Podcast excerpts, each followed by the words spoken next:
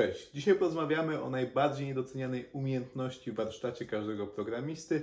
Jest nim pisanie i mam tutaj na myśli przekazywanie swoich myśli w formie tekstowej w języku angielskim lub polskim, a nie pisanie kodu za pomocą języków programowania. Wbrew pozorom to właśnie braki w tej umiejętności i innych umiejętnościach miękkich, a nie wiedzy technicznej, są zwykle blokerami dalszego rozwoju kariery programisty, zwłaszcza powyżej stanowiska seniora. Nieważne, czy wybierzemy ścieżkę menedżerską, czy dalszego rozwoju jako indywidualny kontrybutor, umiejętność pisania będzie kluczowa do naszego awansu oraz dalszych sukcesów w pracy. Jeżeli jesteś na wcześniejszych etapach kariery, to na braki umiejętności pisania Twoje środowisko będzie przymykało jeszcze oczy. Tym niemniej w umiejętność dobrego pisania warto inwestować od samego początku. Pozwala się wyróżnić na tle konkurencji, ma niemały wpływ na zdobycie pierwszej pracy oraz na szybszy awans na kolejne levele. Dzisiaj opowiem Ci, dlaczego umiejętność pisania jest tak ważna dla każdego programisty oraz ogólnie pracownika branży IT. Zastanowimy się, jaki jest przeciętny poziom pisania wśród Polaków po zakończeniu publicznej edukacji i na końcu dam Ci kilka rad, jak poprawić y, Twoje pisanie, jak pracować nad tą umiejętnością. Lecimy.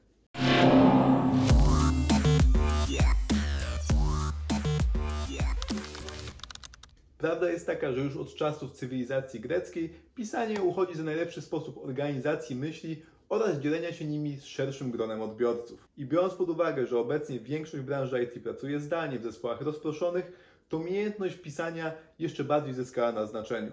Dlaczego? Ano dlatego, że większość naszej komunikacji to komunikacja tekstowa, na dodatek w sposób asynchroniczny. Jako programiści opisujemy nasze komity, yy, piszemy komentarze do PR-ów naszych koleżanek i kolegów, opisujemy etykiety na Jirze, opisujemy nasz kod, opisujemy nasze testy, piszemy maile, czatujemy na Slacku oraz tworzymy wszelkiego rodzaju dokumentację techniczną. Tego jest naprawdę dużo. Można by powiedzieć, że jakby z każdym etapem e, rozwoju pisanie pochłania coraz większą czas e, naszej pracy. Na wcześniejszych etapach to jest 30-50%, a później nawet i więcej niż 50%, odliczając oczywiście wszystkie spotkania, w których też musimy brać udział. I wiem to dobrze z własnego doświadczenia. Obecnie pracuję w zespole Frontend Platform w dużej firmie produktowej i tam tego czasu, który spędzam w Google Docu jest znacznie więcej niż czasu, którego spędzam w IDE. Piszę wszelkiego rodzaju dokumentację strategiczną, guideliny, komunikuję się również za pośrednictwem Slacka z innymi inżynierami, właśnie robię dość dużo code review, tworzę readme do projektów na GitHubie, więc tego pisania jest po prostu bardzo dużo. Na szczęście mając kilka miesięcy, aby przygotować się do nowej roli, zdążyłem przeczytać książkę Staff Engineer, z której wiem, że praca na tego typu stanowiskach, w tego typu zespołach, tym właśnie się charakteryzuje. Ja na całe szczęście w umiejętność pisania zacząłem już inwestować kilka dobrych lat temu, pierw tworząc bloga algosmart.pl, a później tworząc przeprogramowanie.pl. Nie wiem, czy wiesz, ale na początku większość naszego kontentu to były właśnie artykuły na przeprogramowanie.pl, yy, filmy i podcasty to był taki dodatkowy kontent. To się zupełnie zmieniło na przestrzeni czasu, ale tak właśnie zaczynaliśmy. No więc tu miałem dużo okazji, aby tworzyć artykuły i też dzielić się nimi z innymi, aby otrzymać feedback więc to pisanie to nie jest dla mnie coś zupełnie nowego. Tym niemniej jest to proces y, dość taki męczący, zdecydowanie dla mnie bardziej niż na przykład pisanie kodu. Y, w przypadku pisania jakby świadomie w taki sposób, aby innym chciało się to czytać, no to to wymaga ode mnie dużo wysiłku, zwłaszcza na poziomie redakcji. Teraz zastanówmy się chwilę, skąd ta rosnąca wartość umiejętności pisania, jeżeli chodzi o rozwój E, na poszczególnych szczeblach kariery programisty. Dlaczego na początku to nie jest aż tak ważne, a potem e, nagle e, z tego się robi tak ważne narzędzie, tak kluczowa umiejętność?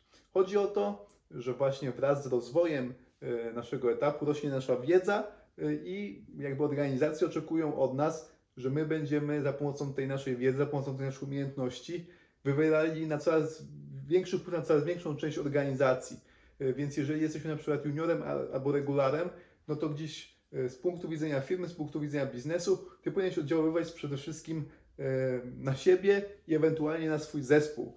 W przypadku seniora, no to już powinieneś mocno oddziaływać na swój zespół, a na tych dalszych etapach, takich jak lead engineer, staff engineer, principal engineer, no to już firma oczekuje, że będziesz impaktował swoimi działaniami Y, kilka zespołów. I tutaj, jak się okazuje, najlepszym sposobem jest tworzenie y, dokumentacji, jest tworzenie wszelkiego rodzaju dokumentów i to w taki sposób, aby ludzie chcieli to przeczytać, aby przeczytali to od początku do końca, aby dobrze zrozumieli, co zostało napisane i aby byli w stanie w oparciu o tą wiedzę, zacząć działać. Ale raz jeszcze powtarzam, że z tego co powiedziałem przed chwilą, wcale nie wynika, że jeżeli jesteśmy na początku e, gdzieś tam naszej programistycznej drogi, to powinniśmy pisaniem się nie przejmować i nie inwestować w rozwój tej umiejętności, e, bo stracimy wiele e, dodatkowych korzyści, które z pisania wynikają.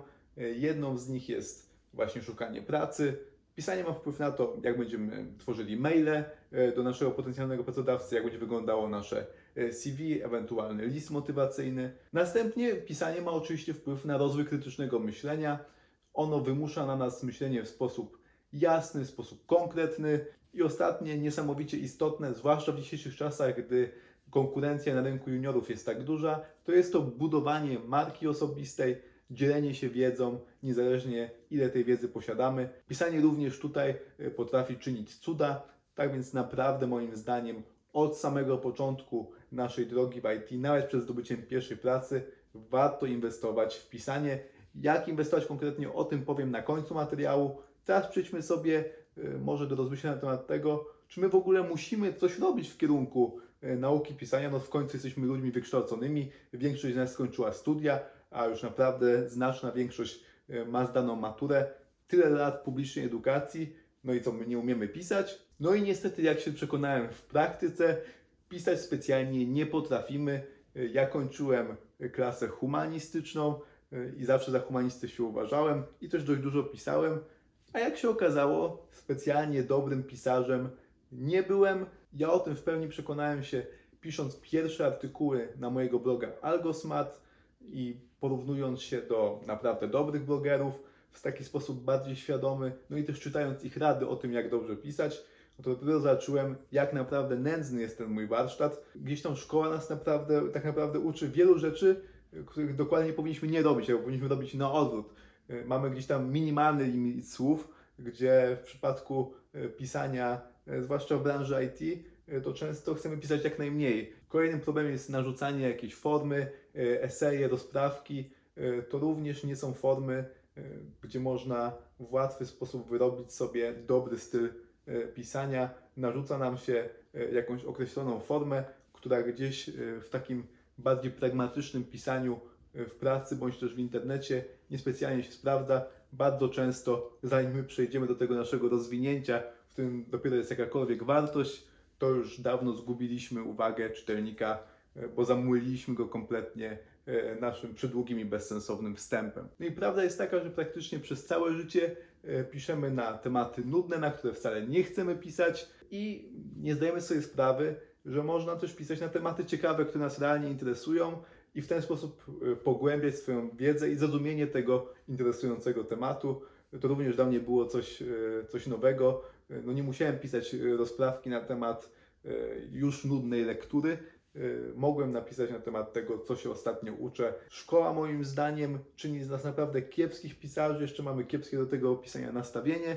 Nie dość, że nam z tym średnio idzie. No i każdy gdzieś tam Polak, pewnie z, z wyjątkami, ale niewieloma, e, musi świadomie inwestować e, w to, jak pisze, ale to oczywiście nie jest nic trudnego, trzeba tylko tak naprawdę znać kilka dobrych rad, może kilka aplikacji, o których zaraz opowiem i w bardzo szybki sposób możemy znacznie ten nasz poziom pisania podnieść. Wystarczy, że będziemy o tych radach pamiętali i będziemy też e, po prostu często pisali, a o tym jak często pisać również opowiem Ci już za chwilę. Dobra, teraz przejdźmy do rad, jak dobrze pisać. E, Pierwszą radą, o której no, praktycznie nikt nie wie e, po szkole, bo w szkole jesteśmy przyzwyczajeni do pisania na papierze, jest to, że proces pisania składa się z dwóch etapów. Pierwszy etap to jest właśnie pisanie, e, czyli gdzieś tam przelanie tych naszych myśli e, na papier bądź też do komputera, e, a drugi etap, istotniejszy tak naprawdę od tego pierwszego, to jest redakcja tego, co napisaliśmy, czyli zamienienie tego szkicu no, w efekt końcowy naszej pracy. I w szkole bardzo często po prostu gdzieś tam wymęczymy ten pierwszy draft na kartce, już mamy totalnie dość, to oddajemy gdzieś tam do oceny i uważamy, bo dostajemy czwórkę albo piątkę, że y, jesteśmy dobrzy w pisaniu czegokolwiek. No na ogół, y, jeżeli piszemy w sposób świadomy i, i czytamy ten nasz pierwszy draft, no to widzimy coś, z czego nam jest bardzo często wręcz wstyd, no bo sam proces dochodzenia do tego, co chcemy powiedzieć, przelewania tych myśli jest bardzo ciężki, jest bardzo wymagający, przez to w ogóle nie możemy się skupić przy tym pierwszym podejściu na tym, aby to było zrozumiałe i dobrze napisane. Dlatego no musimy świadomie potem poświęcić tyle samo czasu albo i więcej na redakcję. I to niezależnie od tak naprawdę długości e, tego, co chcemy napisać. Czy to jest to wiadomość na Slacku, czy jest to commit message, to jeżeli chcesz pisać dobrze, to zawsze pamiętaj o redakcji. I pamiętaj również o punkcie drugim, o drugiej mojej radzie, e, czyli skupieniu się na odbiorcy tego tekstu na temat tego, jaką ta osoba e, ma wiedzę, jaki ma również zasób słownictwa, e, tak aby łatwo im się przyswajały te treści, bo już samo skupienie uwagi, czytanie, to jest dużo w obecnych czasach, gdzie jesteśmy otoczeni YouTube'em, TikTokiem. Ludzie są przyczajeni do 10-sekundowych śmiesznych filmików, a nie do czytania Twojej trzystronnicowej wypowiedzi na temat jakichś technikaliów. Tak więc skupiajmy się na czytelniku i ogólnie ułatwiajmy mu proces konsumpcji tego, co chcemy przekazać. Jak ułatwiać ten proces konsumpcji? Y, po pierwsze, no musimy w ogóle sprawić, aby ktoś chciał skonsumować to, co stworzyliśmy, więc mocno skup się na tytule i mocno skup się na pierwszym akapicie, a tak naprawdę na pierwszym zdaniu, bo to ono może decydować, czy ktoś w ogóle się zapozna z całą resztą tego, co ty masz do przekazania. Mogłeś napisać naprawdę 6 solidnych stron dokumentacji technicznej, ale jeżeli dasz ciała w tytule i dasz ciała w podsumowaniu, w opisie, to ktoś po prostu się z tym nie zapozna.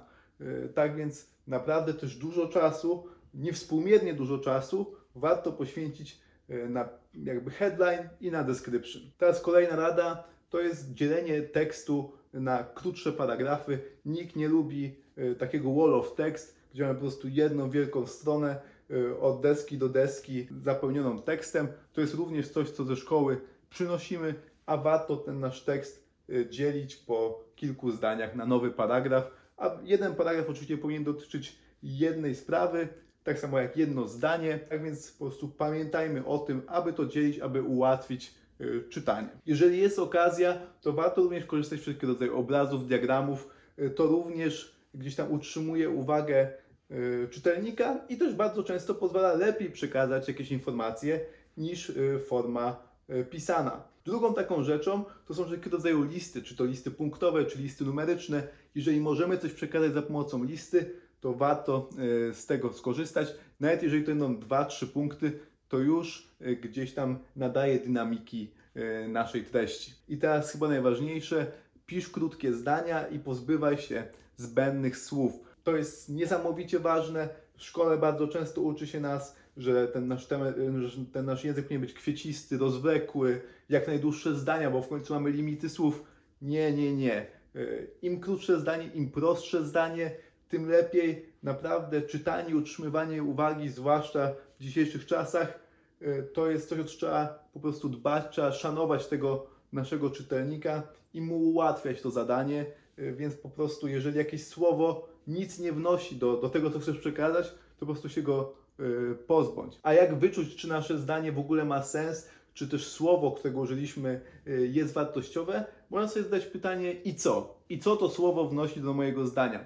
I co to moje zdanie wnosi do paragrafu? I co ten paragraf wnosi do danej sekcji y, mojego tekstu? Więc cały czas się challenge'ujemy, i sprawdzamy, czy to w ogóle powinno tutaj być. Ja czasami, kiedy przygotowuję scenariusz do odcinka, to pozbywam się całej sekcji, bo uważam, że tak naprawdę to nic już wielkiego nie wniosło, bo ten temat częściowo zahaczyłem y, w dwóch poprzednich sekcjach i nie ma sensu się w, ten, w to zagłębiać, bo to nic y, tobie gdzieś tam nie przynosi y, wartości. Jak będziesz czymś mega zainteresowany, to sobie doczytasz gdzie indziej, a tu chciałbym po prostu skupić się na tym, co mam Ci do przekazania. Jeżeli będziesz pisał po angielsku, to świetną aplikacją, która pozwoli Ci e, zachować zwięzłość jest Hemingway App. Tam po prostu wklejasz swój tekst i on analizuje zdanie po zdaniu, mówi Ci, e, czy powinieneś tutaj czegoś się pozbyć, czy powinieneś to zdanie skrócić, rozbić na kilka. Świetna aplikacja. Powinniśmy oczywiście dbać o poprawność gramatyki, interpunkcji. To dla mnie, zwłaszcza w języku angielskim, nie jest aż tak proste, Stąd wspomagam się aplikacją Grammarly. Ona również czyni cuda. Bardzo często gdzieś tam korzystam z jej sugestii. I oczywiście, kiedy piszę po angielsku, czasami nie wiem, jak coś przekazać za pomocą tego języka. Mam taką blokadę właśnie językową, jak coś przetłumaczyć. I wtedy pomaga mi aplikacja DeepL, którą polecili mi zresztą widzowie tego kanału y, jakieś półtora roku temu pod y, innym filmem o języku angielskim. Bardzo dobry translator, moim zdaniem znacznie lepszy od Google Translate. To były rady dotyczące lepszego user experience dla naszych czytelników, ale oczywiście mam jeszcze kilka rad związanych z tym, jak pracować nad tym naszym warsztatem y, pisarskim. No i tak naprawdę są dwa dla mnie sprawdzone sposoby. Po pierwsze, proszenie o feedback osób, które wiemy, że dobrze piszą. W moim przypadku jest to mój team leader, Wiktor Jamro, który był u nas y, w podcaście Przeprogramowanie Fit Gość. Wiktor świetnie pisze dokumentację techniczną i mam jakby to szczęście, że większość mojej dokumentacji przechodzi przez jego ręce. On na bieżąco może mi zostawić komentarze y, w Google Docsach, no i dzięki temu po prostu się uczę y, cały czas na bieżąco. Na pewno w swoim otoczeniu, w swojej firmie lub wśród swoich znajomych masz kogoś takiego, y, kto również w pisaniu sobie radzi lepiej od Ciebie, no to warto jakby skorzystać z ich recenzji, z ich zdania. Druga rzecz, no to jest właśnie wzorowanie się na tych osobach lepszych od nas. Y, Jeżeli masz kogoś w pracy, y, jeżeli też no, znasz może jakichś dobrych blogerów, którzy świetnie piszą, to warto gdzieś tam sobie zapisywać y, przykłady tych ich pracy, aby móc do nich wracać. Jeżeli mamy jakąś blokadę, jeżeli nie wiemy na przykład jaką nawet strukturę naszemu mm, tekstowi, to to jest świetny sposób, aby się odblokować. Warto mieć takie małe archiwum. Teraz obiecałem kilka rad, jak trenować pisanie. Dałem Ci kilka trick and tips dotyczących procesu pisania. No ale teraz pytanie, jak sprawić, abyśmy mieli wystarczająco dużo praktyki, no bo teoria nigdy nie załatwi sprawy. Tak samo jest w przypadku języków programowania, tak jest w przypadku języ- pisania w języku polskim bądź angielskim. I tutaj po raz kolejny, tym razem z innego powodu, yy, polecam założenie własnego bloga lub konta yy, na platformie do publikowania treści, takich jak Dev2 albo Medium.com. To jest świetny sposób, aby właśnie trenować pisanie, jednocześnie dzieląc się wiedzą na temat tego, czego się ostatnio uczyliśmy i w ten sposób również budujemy swoją yy, markę osobistą, więc mamy kilka fajnych efekt- efektów ubocznych, ale również to będzie miało istotny wpływ na nasz warsztat pisarski, co później zaprocentuje, e, kiedy już mamy pierwszą pracę, bądź jesteśmy na wyższym stanowisku. Tyle ode mnie w temacie pisania. Jeżeli chcesz poznać dwa artykuły, które zainspirowały mnie do nagrania tego wideo, to zachęcam Cię do zapisania się na przeprogramowanego newslettera przeprogramowani.pl łamane na newsletter. Tam znajdziesz formularz zapisów i w piątek będę się właśnie dzielił tymi materiałami. Zresztą co tydzień dzielimy się właśnie e, sześcioma fajnymi linkami do fajnych treści. Trzy z nich są techniczne, dwa rozwojowe i jeden bonus. W tym przypadku moje treści rozwojowe będą właśnie związane z pisaniem, tak więc zachęcam do zapisu. Daj znać, jak Ty się czujesz z pisaniem, daj znać, jak Ty sobie radzisz z pisaniem, co robisz, aby nad tą umiejętnością pracować i czy w ogóle zgadzasz się z moją opinią, że to pisanie jest tak ważne dla programistów. Dziękuję Ci za uwagę, pozdrawiam, Marcin Czarkowski.